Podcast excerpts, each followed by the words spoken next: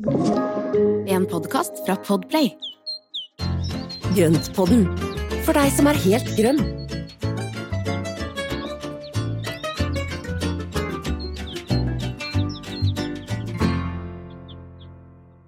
Hei og velkommen til Espen, du kan ikke le mens jeg introduserer.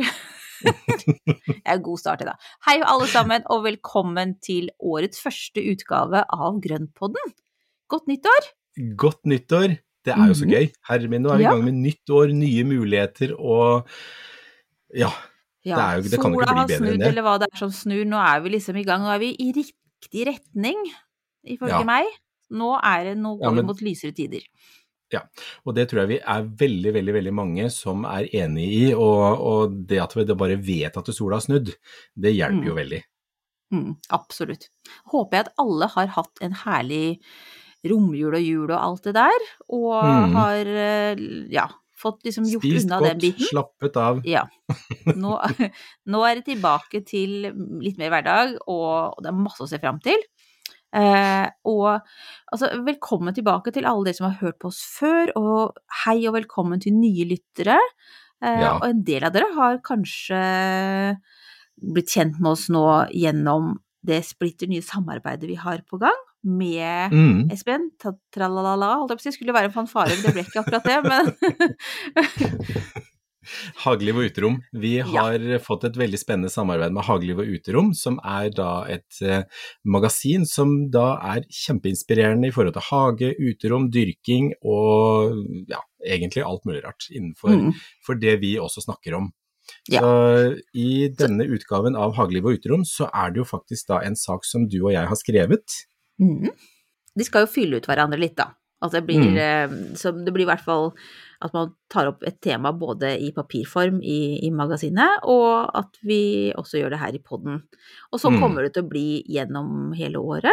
Um, uten at vi kan si hvilke tema vi skal ta opp eh, fremover. Det får bli en herlig overraskelse. Men i hvert fall denne gangen så er det jo da, Espen, hva er det vi skal snakke om, og hva har vi skrevet om i, i Hageliv og uterom? Jo, Vi skal snakke om frøsåing. Hva er lurt å så i januar, og hvorfor og hvordan, og, og rett og slett hva, hva er lurt å gjøre. Og det ene er jo det at det, med frøsåing så får vi da umiddelbar vårfølelse. mm. ah, Og det tenker jeg at det er jo kjempebonus. Det er en bonus i seg, det er en grunn i seg sjøl, da. Å finne fram en frøpakke og, og begynne å, å riste på den og Ja, fikse bare litt. se frøspirene komme opp, det, det, gir, det, jo, det gir vårfølelse umiddelbart. Så det må vi ha. Mm, veldig bra. Men da setter vi i gang, da. Du Espen, jeg tenker jo at i og med at det da øh, Ja, at det er kanskje noen nye lyttere og noen høres jo veldig beskjeden ut. Det er Espen- mange nye lyttere. Mange lyttere. Du Espen, jeg tenkte siden det er mange nye lyttere, og folk har hatt en liten pause fra oss og sånn, så kanskje vi bare skulle ta veldig raskt hvem vi er, før vi setter i gang og snakker om temaet. Kan ikke du si noen Du får, du får kanskje ett minutt til å fortelle om deg selv. Nå. Nå! Det er jo ikke så veldig lett. Jeg, jeg er jo, ja, det er fort å prate veldig mye mer enn det. Jo, jeg har drevet med blomster stort sett hele livet, og jeg er utdanna blomsterdekoratør. Og har drevet med dyrking og, og planter egentlig siden jeg var eh, Ja, siden jeg fikk mitt første blomsterbed som seksåring, og nå, nå driver jeg med det fortsatt, og har vel ikke akkurat stoppa underveis. Så Nei. det er jo mest min bakgrunn. Glad i alt som er grønt. Ja, absolutt. Og kan utrolig mye om det. Og er god til å forklare hvorfor og hvordan ting henger sammen. Og det er jo sånn som vi to begynte å prate, ikke sant? For jeg plutselig gikk Mm. fra en veldig lettstelt eh, byhage til å få en ganske mye større hage mm, på landet.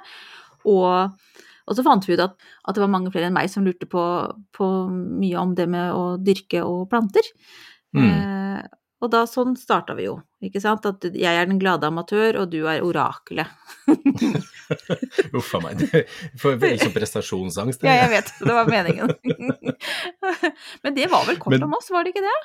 Vi hadde jo timelange samtaler om eh, altså, dyrking og hage, og det var jo sånn, Mm. vi fant ut at det, kanskje det er flere som har lyst til å høre på akkurat det vi driver og lurer på, eller det vi diskuterer og sånn. Og det, og det har jo da resultert i at vi nå i fjor så hadde vi 54 episoder som uh, har fått veldig bra respons, og vi har fått så mye hyggelige tilbakemeldinger. og nå på siste, siste, runde før nyttår så etterlyste vi noen spørsmål om hva man har lyst til å høre mer om.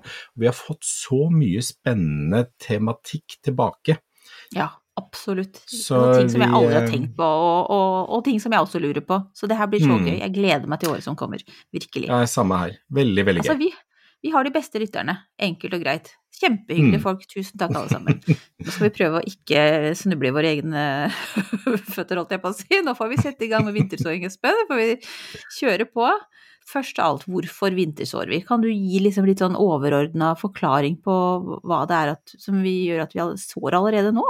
Eh, vintersåing eller forkultivering det er jo faktisk noe vi gjør for å hjelpe plantene i gang. Eh, og mm. det er jo så enkelt som det. For vi har jo så kort sommer her i Norge at det er jo ikke nok tid for da litt mer, eh, altså litt mer eksotiske planter til å komme opp og rekke å blomstre og rekke å sette frukt og, og avling og sånne ting. Så, sånn som kjempeverbena, chili, blodbeger og disse her, de har ikke nok tid hvis vi begynner å så de seinere. Så mm. allerede nå i januar så bør vi få en del frø i jorda. Og bonusen er jo den vårfølelsen vi får sjøl, og det, det, er jo det er jo kanskje en kjempegevinst bare i det, men det gjør at det, plantene trenger den tida til å etablere rotnettet, til å få liksom styrke og krefter nok til å kunne bli store da eh, for sommeren. Mm. Så det er jo egentlig det, det ene, ene, delen av det. Men det andre er jo da, hvis vi da går over på stauder, som da trenger da den stratifiseringen eller vinterperioden, den kalde perioden, så er det eh, kjempegreit å kunne gjøre det nå. For da kan vi så de inne, sette de ut, sånn at de får den kuldeperioden. Mm. Og så vil de spire når da våren kommer. Ja. Så det er egentlig de to tingene som vi nå, nå tenker litt på med dette med vintersåing eller forkultivering. Mm. Det føles veldig Jeg syns fortsatt altså stratifisering, bare du sier det ordet, så syns jeg er veldig avansert. Men ja, men jeg syns det er et fint ord. Ja, et nydelig ord. ord. Ja, ja, ja. Det er det. Det er litt sånn, litt sånn litt kult. Vi stratifiserer. Ja. Ja. Men, det, men, det, som jeg må si rundt det, det er jo det at det er jo litt av naturens egen måte å styre tingene på.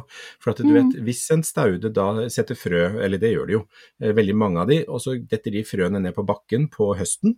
Hvis de umiddelbart hadde begynt å spire, så er det jo veldig mange av de der små spirene som hadde da fryst i hjel og daua i løpet av vinteren når frosten kommer. Mm. Så Det er liksom ja. finurlighet med, med, naturen, egentlig. At det, de frøene de ligger og venter til de har fått kuldeperioden, og så begynner de å spire. For da vil det være en naturlig syklus. fordi eh, nye småspir og sånn er ofte veldig sårbare for frost. Ja, ja ikke og det sant? Jo, og det, det, er jo da også sånn som, ikke sant, når vi da ser på planter og sånn ute, når vi da får da en tidlig, tidlig vår hvor ting begynner å spire tidlig, og så har vi jo nå de siste årene fått eh, dessverre fått litt grann frostnetter utover da i begynnelsen av mai og sånne ting, så er mm. det mye som blir ødelagt. Ja. Og det er jo eh, Ved denne stratifiseringen så vil i hvert fall ikke frøspirene bli ødelagt før, eh, før våren kommer.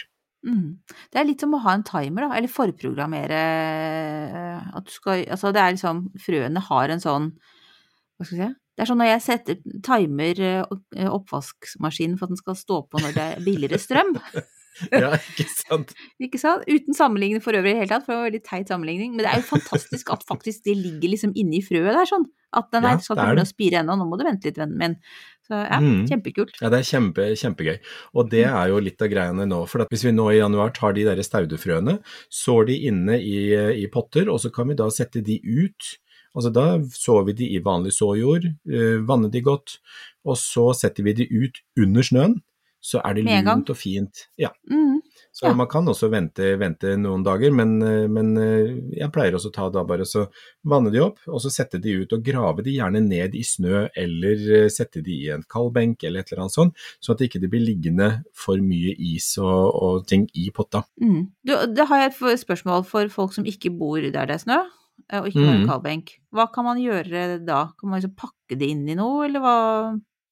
Du kan jo bare sette de ut, og så legger du over en plate sånn at ikke det alt av snø og vann lander Ja, oppi potta. smart. Ja, det er det som er viktig. Ja, ikke sant. Og sånn som da med krukker ute på vinteren. Det er veldig lurt å legge på en plate oppå som har litt grann skråning, slik at ikke alt vannet lander i krukka og fortsetter å fryse oppi krukka.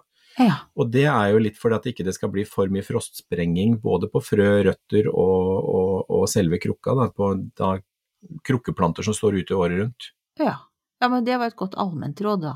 Mm. Så, for at det er jo noe med at jo mer, altså hvis det da båndtærner nedi, og så renner det på mer vann, og så smelter og tiner det om hverandre, og så fryser det på igjen, så vil det etter hvert bli bare en isklump. Så Mm. det er veldig greit å dekke til lite grann. Så dekk til med en, med en eh, liten plate av et eller annet slag. Godt poeng. Og du har jo nå nevnt litt om hva vi vintersår. Det er altså Mhm. både, det er både grønnsaker og blomster og stauder og alt mulig. Um, og Noen jo kjører jo grønnsaker også i drivhus allerede nå, så det Ja. er jo kaldsåing av grønnsaker kan man jo for en del. Men der tenker jeg at der, der må man bare kikke litt mer på frøpakken og se hva plantene tåler. Og, Mm. og der finnes det massevis av, av informasjon på nett også. Jeg tenkte før vi snakker om sånn rent sånn konkret hvordan du vintersår, kan vi ta litt om det med utstyr? Fordi at jeg er, Jo, nei, men for nå, skal jeg være helt ærlig. Fordi at jeg Ofte har jeg kjøpt disse frøene, og så er jeg jo så glad for å komme i gang. Men så merker jeg at liksom Å ja, gud, du har glemt hva egentlig annet jeg trenger. Og hva slags Mm. jord, og, og at jeg liksom ikke får Og kanskje ikke har fått rydda nok plass. Og at jeg liksom føler at jeg ikke har helt oversikt, da. Og hvor Mm. skal det inn, skal det på badet, skal det ut, skal det Hvor skal det hen?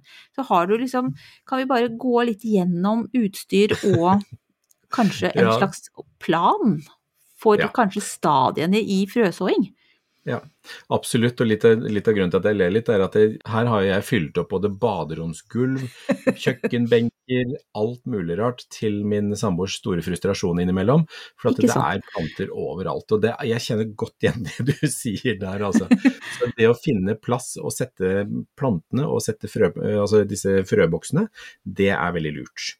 Mm. Så enten om man da har en benk eller et skap eller et, eh, et, et rom, hvis man er heldig og har et helt rom til å kunne dyrke i, så er det nå så mye fine plantelys Ja. å få tak. Ja. Og det er jo en av de tingene som da de senere årene har blitt mye, mye enklere å få til, er at det, nå kan vi kjøpe LED-lys som da er eh, plantelys, som da er fullverdig dyrkelys.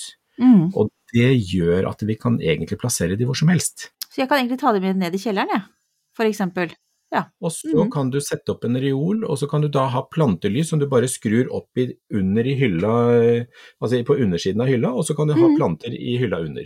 Og på den måten så vil du kunne da dyrke planter og dyrke fram frø eh, uten problem, og uten at Ja. du behøver å fylle opp badegulvet, uten at du behøver å fylle opp kjøkkenbenken. Mm. Så For tidligere så har det jo vært det at vi må sette de inn til vinduskarmen fordi at det skal ha så mye, mye, mye Var en flue. Igjen. Det er alltid en Misty, Misty Miyagi. ja, men disse hærmyggene som Jeg har en blomsterpotte her som har hærmygg, og det er noe ordentlig dritt, altså. Og de er Ja, og jeg tror at det er Nå har jeg begynt å forstå hvorfor vi alltid har med oss et insekt, insekt når vi spiller inn, og det er jo for at du har for mye planter. Ja, men det er jo planter overalt. Ja. Så vet du hva, vi kommer tilbake til en episode med hvordan å bli kvitt utøy. Det skal vi, Ja. det skal vi ha i en Ja, egen episode. Den, den tror jeg den, den stikker, stikker seg frem som en naturlig episode for oss.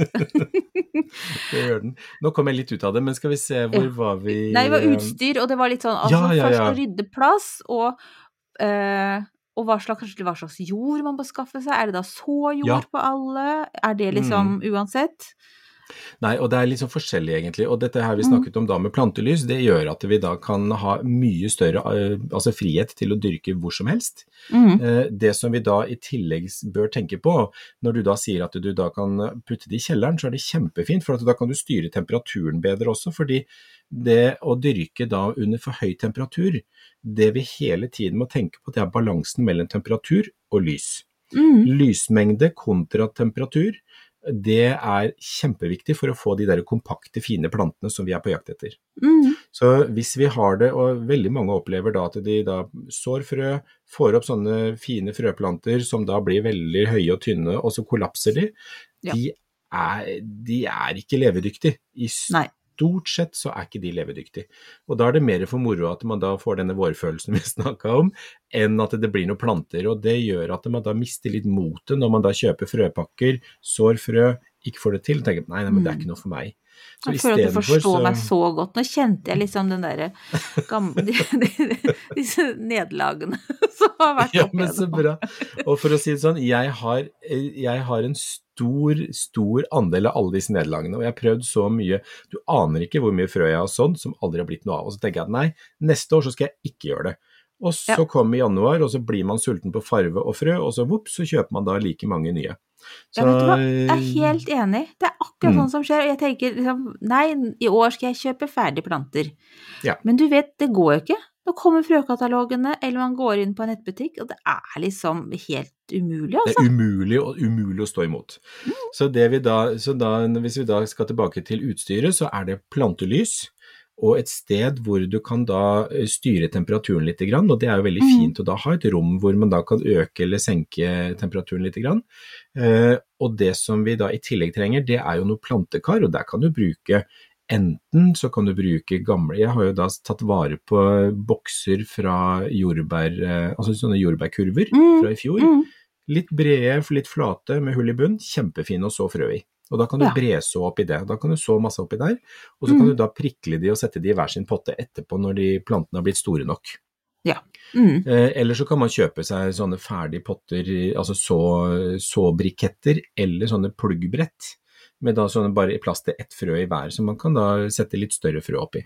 Ja, så, det kjøpte jeg for at jeg skulle ta disse fancy bildene ja. til reportasjen vår. Så jeg har jo pluggbrett nå, for ellers så pleier jeg å gjøre sånn som du sier gjenbruker i plastbeger og sånne ting. Og så, men nå skal, ja. jeg, nå skal, jeg, bruke pluggbrettet. Det blir veldig pent, da. Det blir estetisk ja. nytelse å se på disse frøene.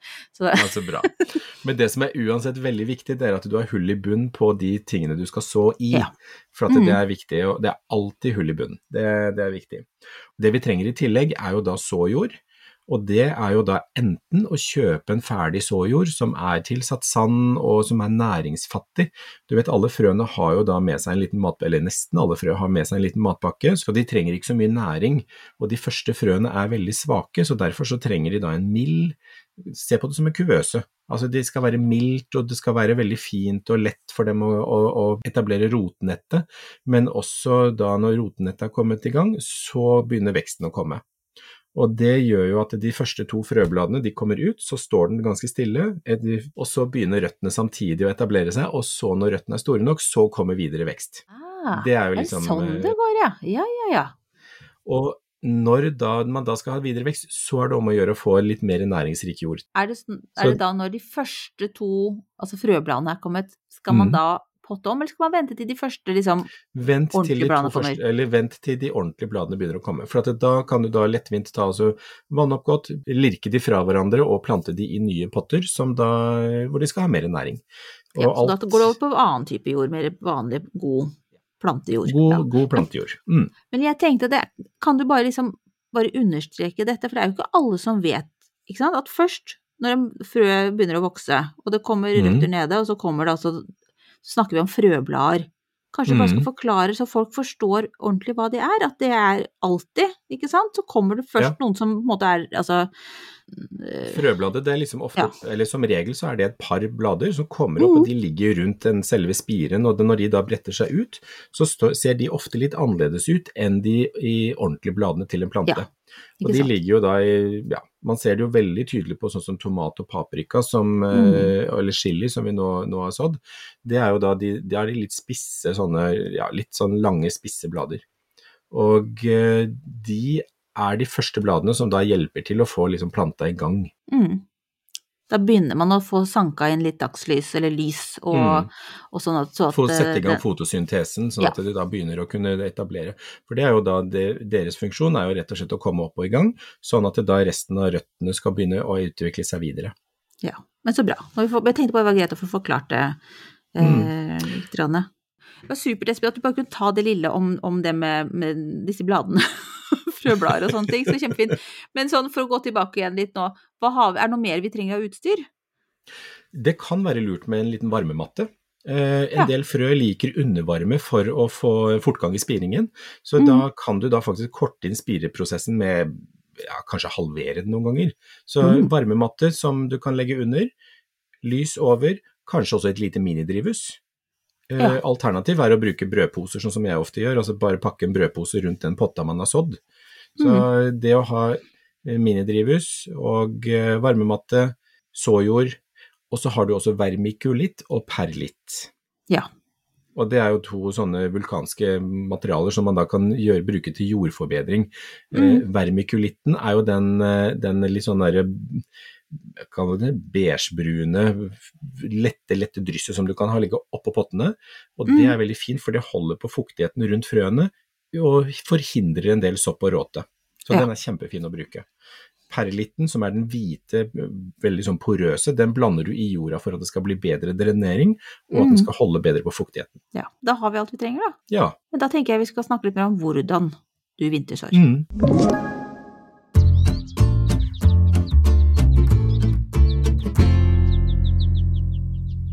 Har vi jo egentlig, synes vi har snakka veldig mye om det her allerede. Jeg føler meg veldig godt informert. Men kan du bare komme med litt sånn konkret eh, hvordan du vil sådd da, nå? Vinterså. Kan vi, ikke, kan vi ikke ta det opp mot skal vi se, blodbeger? Populært, Mm.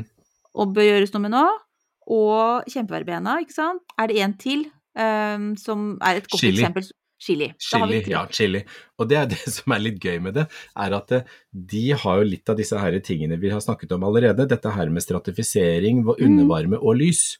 Og Ja. det er jo en av de tingene som vi, vi har utstyret til nå. Det er Mm. jo da sånn som kjempeverbenaen, den er jo den er kjempefin. Kjempeverben er kjempefin. Den er kjempefin. Superfin. Og den er, den er jo da egentlig litt vrien å få til å spire noen ganger, og jeg tror mange opplever at den er litt sær. Mm. Og veldig ofte så er det fordi at den da ikke har fått stratifiseringen, og den ligger og venter på en vinter for at den da skal komme i gang med spiringa. For at hvis du da har den ute i blomsterbedene, så kan du se at den titter opp ganske ofte i bedet rundt der den har stått, eller hvor morplanta har stått, som da Ja. døde, i, for det tåler jo ikke frost. Altså selve planta tåler ikke frost. Mm, mm. Men rundt morplanta så er det ofte at det titter opp da kjempever, altså kjempeverbena-planter på våren. Mm. eh, eller utover forsommeren. Og det er jo fordi at da har frøene fått lov å ha en vinter, og så kommer de. Og hvis du har kjøpt kjempeverbenafrø og, og sådd de og gjør egentlig alt etter kunstens regler, og ikke det skjer noe, så prøv å sette hele potta i kjøleskapet i 14 dager. Ja. Med da den kuldeperioden, så kanskje det da vil, eh, vil komme opp noe allikevel. Men bør man gjøre det uansett? Skal man bare liksom så Mm. og stappe inn i kjøleskapet, eller skal man helst prøve først uten? Altså, ja. Jeg pleier å prøve først, for jeg tror jo at det skal gå, jeg da. Men eh, Ja. det er jo ofte at ikke det går. så, men la de få noen dager til å liksom ligge i fuktig jord og sånne ting, og Ja. så putte i kjøleskapet. Og okay. da ja, to til tre uker, og så ta de ut igjen og så sett de under lys med da kanskje litt undervarme.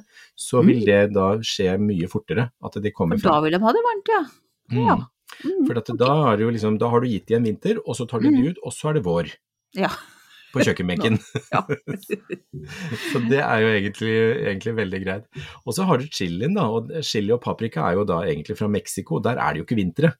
Eh, Mm. Og det betyr jo at de kan du da bare putte i, eh, i såjord, sette under lys, eller de er ikke avhengig av lyset for å spire. Men eh, jeg pleier å gjøre det allikevel, for at da er jeg sikker på at de får lys umiddelbart når de kommer opp av, av potta. Og Ja. så ha de på en varmematte. For skader ikke da- lys. Nei, skader ikke. Nei. Men du kan jo også sette de på badegulvet. Hvis ikke du har varmematte, så kan du sette de på badegulvet, men da må du passe på at de da blir satt under lys så fort de titter opp av jorda, Mm, mm. for da er det avhengig av lys. Ja. Så, så det er jo da de. Og så er det da den tredje, og det er blodbegeret. Og det er jo de Ja. der fine klokkeforma, ikke sant, nydelige klatreplantene. Mm. Eh, og de er avhengig av lys for å spire. Oh, ja. Og det betyr at frøene de legges ut bare helt opp på overflaten av jorda, og så legger du på et tynt lag med vermikulitt, som da slipper lys igjennom, men holder fuktigheten på, eh, altså rundt frøene. Mm. Og så tar du og setter de under lampelys, eller under da et vekstlys. ja. Og Skal de ha varme da- under òg? de kan godt få varme under, men de er mer avhengig av lyset enn av varmen. Okay. Mm. Så, så det er litt sånn Dette her er jo da litt forskjellig fra frø, eller fra, fra sort til sort, hva de faktisk trenger av, um, av dyrkningsforhold. Og Mm. det står ofte på frøpakka. Ja. Så ikke Eller kast frøpakka. Ja, det Ikke bør stå. Hvis ikke, så Ja. kan du klage. Men, nei, men altså, le, husk Ja, det er lurt å lese på og ikke tenke at alle frø er det samme. Det er vel noe av det som er Mm. poenget her også, da. At, Ja. at du må faktisk bli kjent med ja, altså, De er individer, de òg. Eller de er i hvert fall grupper. Så Ja, de er det. ulike behov. Ja. Og det som også er at hvis, du, jo, altså, hvis det er bitte, bitte, bitte små frø, så skal de sås oppå jorda, og hvis de da er litt større, så skal de litt ned i jorda. Mm. Og da er det, altså tommelfingerregelen er jo da, hvis du ser bredden på frøet, altså Mm. hvis frøet er 1 cm i diameter, så skal det 1 cm ned i bakken. Ja, og det her Så egentlig det er litt sånn som vi liksom- snakket om løk og sånn da, også. At det har noe med Mhm. størrelsen på løken og ja. Mm. Ja, Det er en større logikk, en overordna tankegang rundt, rundt det vi stapper i jorda, og hvor langt ned vi skal stappe det. Nei, men så bra.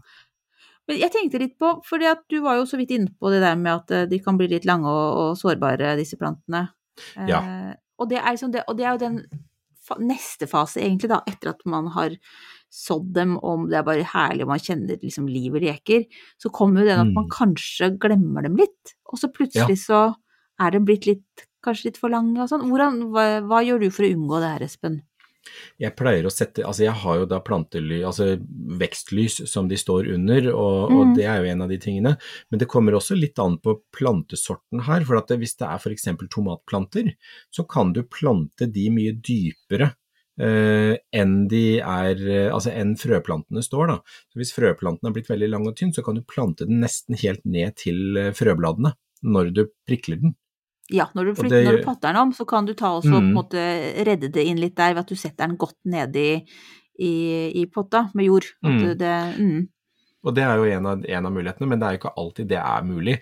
Så, så det du kan også gjøre, det er å knipe den tilbake. Hvis du da ser at den har strukket seg veldig og blitt veldig lang og tynn og, og, og sånn strantete, så kan du da knipe tilbake en del og klippe av en del av planta. Og en del så jo da erteblomster, altså luktertene, inne, Mm. og de blir jo kjempefort veldig sånn slengete, og de funker jo ikke når du får de ut. Nei, nei, det de, vet jeg. Det, det, det, det har vi prøvd alle sammen. yep. uh, I fjor så fulgte jeg et råd om å da så de, og i det øyeblikket de da er, uh, altså titter over bakken, så setter man de kaldt. Og da tålte de ned til en minus en to-tre grader, og de sto ute. Jeg satte de ut i april-mai, eh, og de Nei, i april. I april-mai, nå tuller jeg fælt. I mars-april. Ja.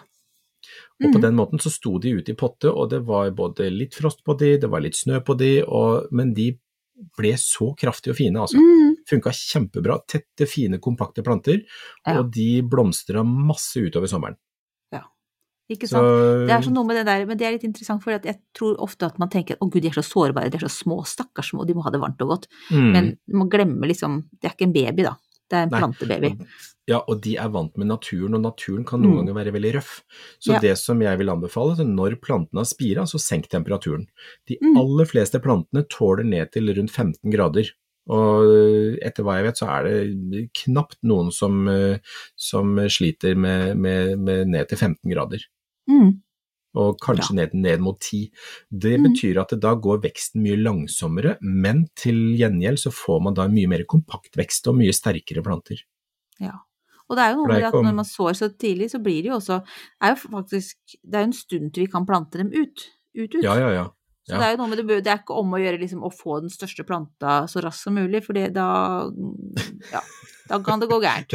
Hvis du har god plass, så kan du gjøre det. Kjør på. Ja. Det er liksom Fyll opp vinduer og alt sammen. Men det er eh, Nei, nei men du har helt rett, Marianne. Og det er, det er jo akkurat det. Prøv, altså Det er viktig å holde de i, i, altså i litt rolig vekst. For det, hvis det går for fort, så blir det ofte tullball, og det er vanskelig å håndtere de. Og plantene blir ofte svakere. Så lavere temperatur, langsommere vekst og så mye lys som overhodet mulig. Og jeg tenker at sånn, Vi snakka litt om utstyr. Jeg vil også anbefale en liten timer på disse lysbryterne, eller på disse vekstlysene. Og sett på timeren på en sånn 12-14 timer per dag. For da får de lange, gode dager, og, og så slår lyset seg av automatisk. Og det er egentlig ganske deilig å slippe å måtte passe på det hele tiden. Mm. Veldig godt tips. Det ble litt sånn så at jeg tenkte på alt andre. Altså, vi har da vi har ryddeplass, vi har plantelys, vi har riktig jord, vi har plantekar, varmematte og Mhm. timer. Da er vi klare, da. da. og frø. Ja, og det Ja, veldig godt. Eh, hvis du har tatt vare på frø fra i fjor, så er jo det kjempegøy. Jeg har masse sånne kaffefiltre med frø, eh, Mm. og skrevet navn på de, og eh, nei, nå, det, blir så gøy. Altså, det blir så gøy. Det er Jeg har egentlig ikke tid til å snakke noe mer med deg nå, for nå har jeg tenkt jeg skal begynne å, å forberede Rig, rigget, rigget til plass. Rigge til her. Ja, gud, Mm. så herlig. Men du, vi, må, vi skal ta noen faste spalter også før vi takker for oss. eh, Men før det så blir det en liten trudelutt, da.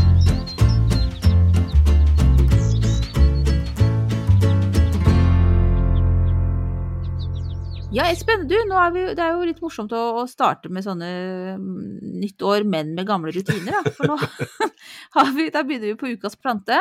Det er da Mm. Hva er vi har å by på i dag? Jo, i dag så har jeg lyst til å ta fram den lille monsteraen. Og det er Den jo da denne ja. Ja, og det er jo altså Monsteraen har jo vært nå kjempepopulær de siste årene, og, Mm. og det er jo da en som heter Monstera adansonii. Og den kalles jo også da for monkey mask. Og det er en kjempemorsom liten plante som da er, eh, kan bli diger. Altså den får jo, i naturen så får den ranker på en fire-fem meter. Ja. Eh, som da kan kveile seg rundt, og den fester seg i trestammer og ja. Og den lever opprinnelig borte i Sør-Amerika, er det vel, og Vest-India, eller vestindiske øyene, eh, som da er eh, Hvor den da vokser rundt omkring. Som, eh, og, og, og sprer seg da med disse fine bladene som ikke blir så store. De er jo Ja, nå sitter jeg her og viser, det er ingen Ja, det er ser. men- kjempetakk, men- Det er veldig fint at du viser det til meg. Men det, de er jo da med avlange huller i, og den er egentlig veldig lettstelt. Klatrer rundt, svinger seg rundt i, i hus og heim og er, eh, tåler å tørke litt og tåler å få vanna litt og står, klarer det meste av ulike sorter av jord. Men det som er litt gøy med den, det er jo da den som heter archipelago, som er um, den eh, som har blitt litt populær de siste tiden. Og det er jo denne her som da har variegerte blader. Altså det betyr hvite og grønne blader. Ja. Mhm. Eh, I fjor så var jo, vet jeg at stiklingene på den gikk jo for opp rundt 25 000 per stikling. Altså det er helt idiotisk, syns jeg. Jeg syns det er galskap, men Da eh, kunne blitt rik, Espen.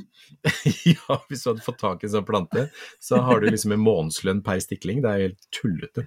Men eh, den, er, den er jo da veldig, veldig fin som også helt grønn.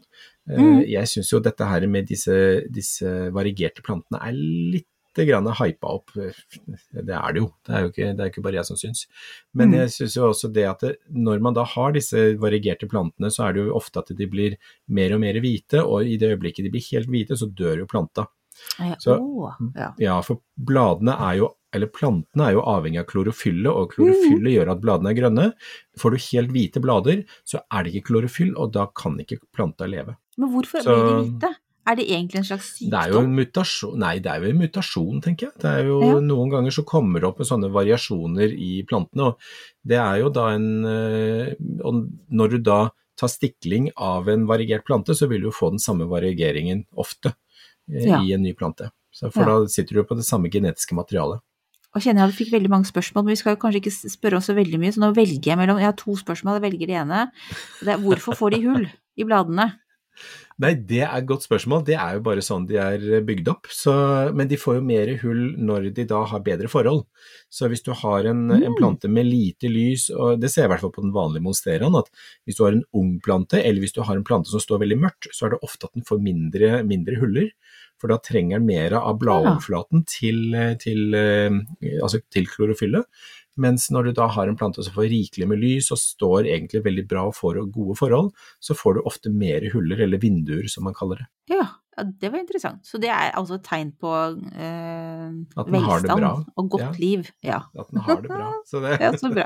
så det er kjempefint. Men eh, vi kan ta, det vi kan gjøre, vi skal ta, jeg tror vi skal ta en hel episode ja, litt senere eh, om variegering og dette her med hvite og grønne bladverk og liksom sånne ting. For det finnes jo på veldig mange planter både inne og ute.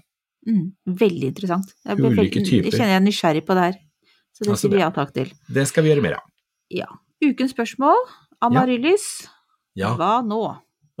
Og andre juleplanter, tenker legger jeg til da. For det at jeg lurer ikke bare på amaryllisen min, men på, på også hyasintene mine, for eksempel. Ja, ikke sant. Og det er jo da veldig mange som har hørt at amaryllisene da, når de er ferdig med å blomstre, så skal de hvile. Men der vil jeg si at ikke la dem hvile. Nå, Oh. altså, nei, for at de må jo vokse, de må jo, ja, og det, det er jo akkurat det at når de har brukt alle kreftene sine på å bringe fram en blomst for å få Mm. denne her eh, opp og i gang og sånn, så har de ofte tappa løken for masse, masse næring, Ja. og den næringen må erstattes. Og det er en grunn til at bladene kommer i forbindelse med blomstring, eller etter blomstring. Og det er jo fordi at bladene skal samle seg med næring til planta. Akkurat. Og det betyr at når da den er ferdig med å blomstre, så gi den gjødsel, gi den vann, gi den masse lys, gi den Mm. da alle de gode forholdene for at du skal få denne løken til å bygges opp igjen. Og da må den da få lov å bruke bladverket sitt til å hente næring. Akkurat som andre planter så bruker den bladverket til å da fotosyntesen, som da sørger for at den får næringsstoffer tilbake i løken. Og bladverket er med på å bygge opp løken, og da skal den holdes i vekst egentlig fram til utpå sommeren. Og så kan den få lov å gå i dvale på sensommeren. Å. Men Og kommer den da da- fram til jul igjen? Da? Ja, for da kan den da gå i dvale, så kan du da tørke den og legge den kjølig og sånne ting, og så vil du kunne sette den i gang igjen da i begynnelsen av oktober-november, eller Mm. midten av oktober, begynnelsen av november. Ja. Og da skal den kunne komme i gang igjen. Jeg trodde den skulle Så- gå i dvale med en gang. Så det Ja. var jo helt feil. Gjelder det her altså også for hyasinter? Å ja, det har gjort feil òg. Alle, de aller fleste løkplantene skal da gjerne få lov å vokse og samle næring og krefter etter blomstring. Hvis oh, du ikke har sånn som Ja. disse her kolsjikummene og høstkrokusene og denne safrankrokusen som vi snakket om tidligere i, i fjor, så, så er jo da bladverket framme på våren, og så står den stille og hviler, og så kommer blomstringen da på senhøsten. Men de Jeg trodde aller fleste. Jeg har samla sammen alle hyasintene mine. De ligger der, er sånn Ja. si massegrav, det... det- kan vi ikke si, men uff. Ja, men det blir jo det. Men ideelt sett så skal de da holdes i gang, de skal gjerne settes litt kjøligere, dyrkes videre med mye lys og jevn fuktighet, fram til de kan plantes ut, og så vil de da visne ned og sånne ting ute. Og, altså det, nå snakker vi om hyasentene, ikke sant, altså de sviblene. Eh, og da planter man de ut med bladverket på, og så vil de stå litt utover sommeren, og så visner de ned, og så vil de komme igjen med blomst eh, året etter. Det var veldig interessant. Takk. ja. Det var, amaryllysen den kan gå ut på sommeren, og den stortrives ute på en lun plassering uten sterk sol. eh, Og da vil den kunne da fortsette å, å vokse og, og liksom samle krefter, og så kan man ta den inn da på sensommeren. Men pass på å holde den unna sneglene, for sneglene er veldig glad i den. Ja, de også. Ja, det er, Mm. jeg forstår jo det. Men gud, det her var, altså, var veldig interessant. Nå føler jeg meg sånn, Det er et- et av disse øyeblikkene jeg føler meg så dritdum. Jeg håper det er noen andre som har gjort det. Eller jeg håper egentlig ikke det, da, men samtidig så håper jeg det. Veldig mange gjør det på den måten. Det, Ja. Men det er jo det som har vært sagt, at jo, men etter blomstring så skal de hvile. Men nei, de skal ikke det. De skal, ha, de skal få lov å vokse for å samle krefter igjen. Og de har brukt opp alle Stakkars kreftene mine sine. knoller. Eller ikke Mm. knoller, men løker. De ligger nå Ja. der. Men sånn som her, så er jo ikke amaryllisene kommet opp ennå. Her er det jo de, de, bare så vidt de har begynt å titte opp en knopp. Nei, altså, Så jeg har har fortsatt ute. også tid til å redde. Så det er, Mm. men det er hyasintene. Men Mm. la oss bare da avslutte dette sorgens kapittel med sånn som, eh, sånn som jule... Å, julestjerna. Hva gjør man med sånne, da? Nei, men De vil jo bare fortsette å, liksom vokse videre, så de skal jo ha en lett tørk mellom hver vanning, og den, den vil jo bli en veldig fin grøntplante. Og så kan du jo da styre den med hjelp av lys til neste år, og så starter man det i ja, to måneder før jul, og så setter den da i, i eksakt mørke og eksakt lys. Uten noe som helst eh, glippe på, på, på lyset. Og jeg lurer på om det er tolv tolv timer natt og tolv timer dag, eller jeg må dobbeltsjekke det. Men eh, da skal den da helt søkkende mørkt, og så helt lyst, og da vil du da få røde høyblader og blomstring til jul. Og det er veldig gøy hvis man da kan få fram julestjerna si på nytt igjen. Da vil ikke Ja. de der røde bladene bli like store, men de blir jo veldig, veldig fine på, Mm. på år nummer to, hvis man da får til det. Og Det ja, det er spennende. Og asaliaene de er jo da lettvinte å kunne sette ut når det blir frostfritt, og la de stå ute i hagen da på en skyggefull plass, hvor de får jevn fuktighet. Og da, da har du de også år etter år. Ja. Så det gjelder nå på en måte å se forbi blomstene og fargene, Mm. og så og kose seg med dem som vanlige planter, holdt jeg på å si. Vanlige planter. Altså, ta vare på dem videre, da. Ikke sant? At det er Se på grønsken og bladene og mm. Og har du ikke plass, så kan du gi de bort, eller så satser man på nye planter neste år. Ja. Det er lov. Du, Hva gjør du nå fremover? Jeg har en sterk Men- følelse at du gjør, noe med frø, men det kan Ja, nå er det frø. Det er, jeg gjør ikke så veldig mye annet. Jeg driver og steller og pusler i vinterhagen og passer på de plantene som er til overvintring. Mhm. Sørger for at alle fuksiaene og pelargoner og sånne ting, når de nå da begynner å visne blader og sånn, at jeg da fjerner blader som ikke det skal bli mugg og råt og tull og tøys. Så Mhm. hold et øye med tingene, og så er det jo da pløye frøkataloger, da. Ja, Og la seg lede ut i ulykka. det blir dyrt der. Ja, det blir dyrt. I, i år igjen. Ja. Og, nei, det er jo meg. Lærer, lærer Men- ikke av våre feil. Nei, men det som jeg har lært, det er jo da at jeg har blitt flinkere til å notere meg hva som funker, og kjøpe de samme frøene på nytt igjen. Mm, Det Ja. er tips. godt tips. Veldig Så, godt tips. ja. Men du da, hva gjør du, hva gjør du nå? Jo, altså jeg gjør jo også litt, jeg har vært ute og pusla litt med de overvintrede mm, vintrene. Eh, Mm. Vanna litt, for det var noen som hang litt med hodet. da kjente jeg at jeg hadde vært litt sånn dårlig mor. Men, Det er eh, fort også- gjort. Ja, takk. Uff. Men det var jo de der fikene som jeg nå prøver å få opp og stå, så jeg fikk litt sånn hjerte i halsen, men jeg tror det skal gå bra med dem. Eh, også, men en av mine pelargonier har jo begynt å blomstre litt, det er jo helt feil. Så står det og koser seg. Ja, men så hyggelig da, det er jo kjempefint. Men hvor kaldt er det da? Husker du temperaturen der? Nei, altså inne der hmm, fem? Noe mellom fem og ti, kanskje? Ja, det er ambisiøst å sette i gang med blomstring da, altså. altså. Det er én blomst, men jeg syns det er ganske ambisiøst likevel, denne lille planta. så, Det er Så hyggelig. altså, ja, og ellers så har jeg vært ute og nappa med meg noen rødkål fra, fra kjøkkenhagen. Og det var veldig gøy, fordi Det er morsomt. De var jo både frosne og alt mulig, men gud så godt det smakte.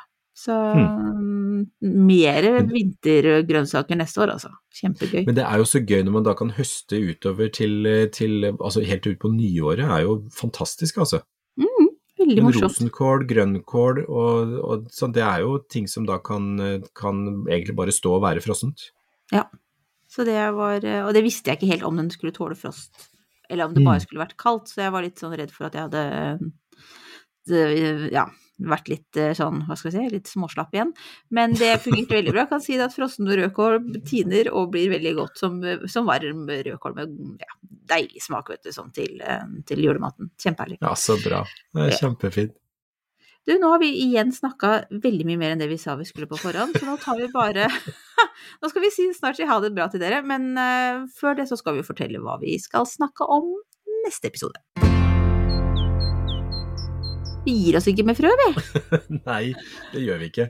Og den neste episode, det blir jo, det blir jo litt, uh, litt grann hvordan vi skal balansere ambisjoner og virkelighet. Det, Ja. vi trenger er den. jo Ja, vi trenger den, altså. Og det, det er jo nå og fremover hvor det er mye eh, frø som kommer i alle kanaler, holdt jeg på å si. Og det er jo liksom Man blir jo veldig fort inspirert og lu, føler seg noen ganger litt lurt til å handle med seg ting som man ikke Ja. Det er som å være i eh, matbutikken og bli stående i en lang kø hvor alt godteriet står på begge sider. Og sånne som meg, da, som har viljestyrke som en glassmanet, er jo ikke Ja, nei, det går jo ikke. Og så er det nå Så- som vi er så sultne. Det skal ikke handle at man er sulten, egentlig. Det er jo det. Nei, Men det er litt vanskelig nå når det gjelder frø. Så det Ja. blir jo en sånn en, en um, Både litt tips om hvordan man skal måte bygge opp en slags hva skal jeg si, frø... Hvordan man skal handle smart. Altså sånn mm. som, hvordan man skal tenke. Ta utgangspunkt i mm, den uteplassen man har og alt det der. Mm. Og også litt sånn at allikevel så er det lov å pushe litt. Kanskje man skal ha et ambisiøst frøprosjekt uh, hver sesong eller sånt. Det er lov å la seg lure. Det er lov å la seg lure, hvis man vet at man blir lurt. Ja.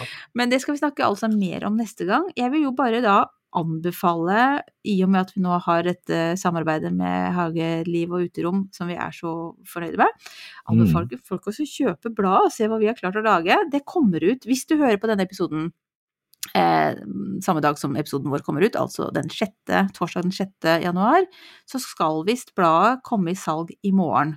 Ja. Eh, og hvis du abonnerer, så kommer det kanskje litt før. Men hvis du, hvis du har tenkt å stikke ut i, i bladkiosken og kjøpe det, så er det i morgen, fredag den 7. januar. Mm. Og da er det altså Debuterer Grønnpodden som eh, spaltist, kan vi si.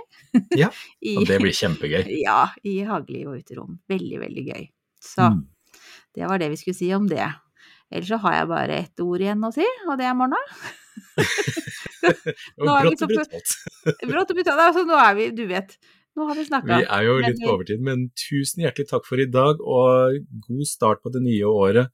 Gleder oss til året sammen med dere videre. Ja, det gjør vi. Ha det bra, Mm. folkens. Ha det bra.